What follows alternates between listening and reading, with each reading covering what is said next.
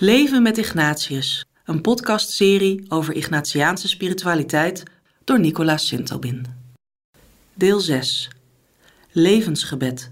Bidden met het vijfde evangelie.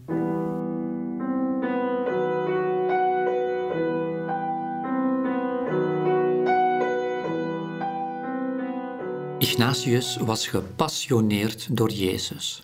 Dagelijks bracht hij lange tijd door in gebed. Hij had een bijzondere gevoeligheid voor Gods aanwezigheid. Die godsverbondenheid werd bijzonder gevoed door het levensgebed, een heel eenvoudige vorm van bidden. Het bestaat uit drie delen: dank, sorry, alsjeblieft, en wel in die volgorde. Hoe doe je het levensgebed? Levensgebed is gebed. Het is daarom van belang om bij het begin de tijd te nemen om je te plaatsen in Gods aanwezigheid. Het eerste en belangrijkste deel van het levensgebed is danken. Terugblikken op wat je de voorbije tijd troost heeft gegeven. Waar was er vreugde, ruimte, kracht, rust?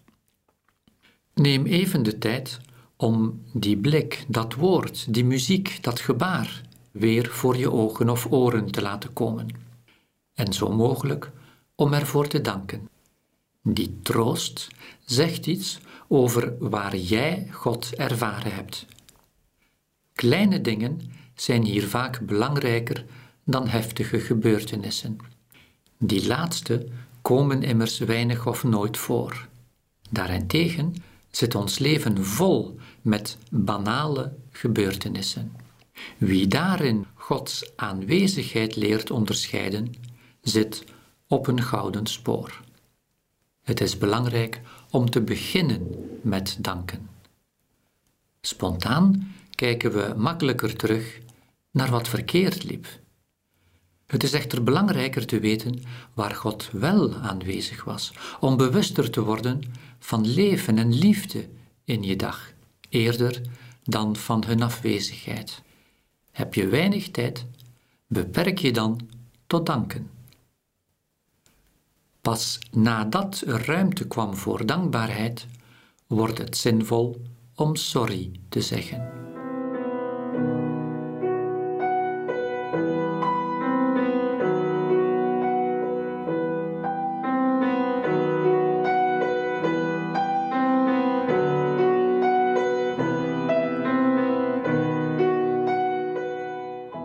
Dankbaarheid maakt het mogelijk om de confrontatie aan te durven met de schaduw in je leven, zonder dat dit al te bedreigend wordt.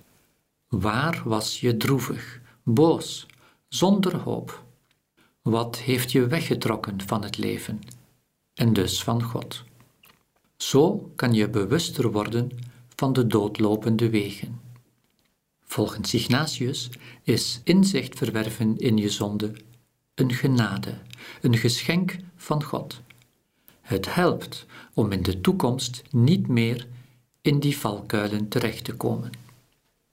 Deze tweede etappe van het levensgebed wordt des te zinvoller als het leidt tot berouw. Het besef dat het bewandelde pad niet levengevend is, gekoppeld aan het voornemen om het anders aan te pakken. Zo wordt het levensgebed een springplank naar groei. Het laatste deel van het levensgebed is het alstublieft. Alstublieft heeft een dubbele betekenis. Ten eerste, wat bied je aan? Welk bijzonder werkpunt komt er bovendrijven na het danken en vragen om vergeving? Beperk je tot één of twee haalbare punten. Ook in het geestelijk leven kan je maar stapje voor stapje vooruit. Alsjeblieft heeft ook een andere betekenis. Je kan God vragen om zijn hulp. Weet hierbij dat het antwoord verschillend kan zijn van wat je verwacht had. Stel dat je bij een persoonlijk conflict vraagt dat die ander zich voortaan wat behoorlijker zou gedragen.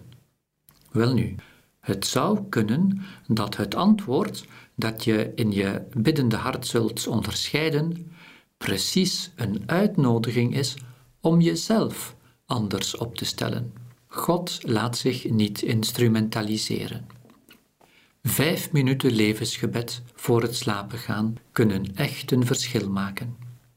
Je kunt er natuurlijk ook meer tijd aan besteden. Ignatius eindigde elk uur van de dag met twee minuten levensgebed.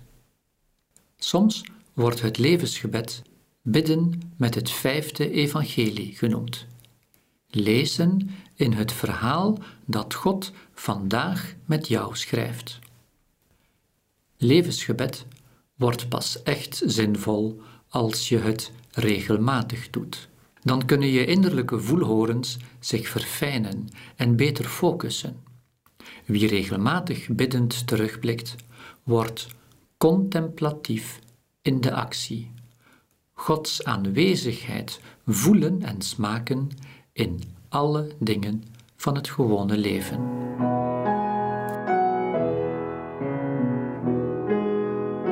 Blik jij regelmatig terug op wat er gebeurt in je leven?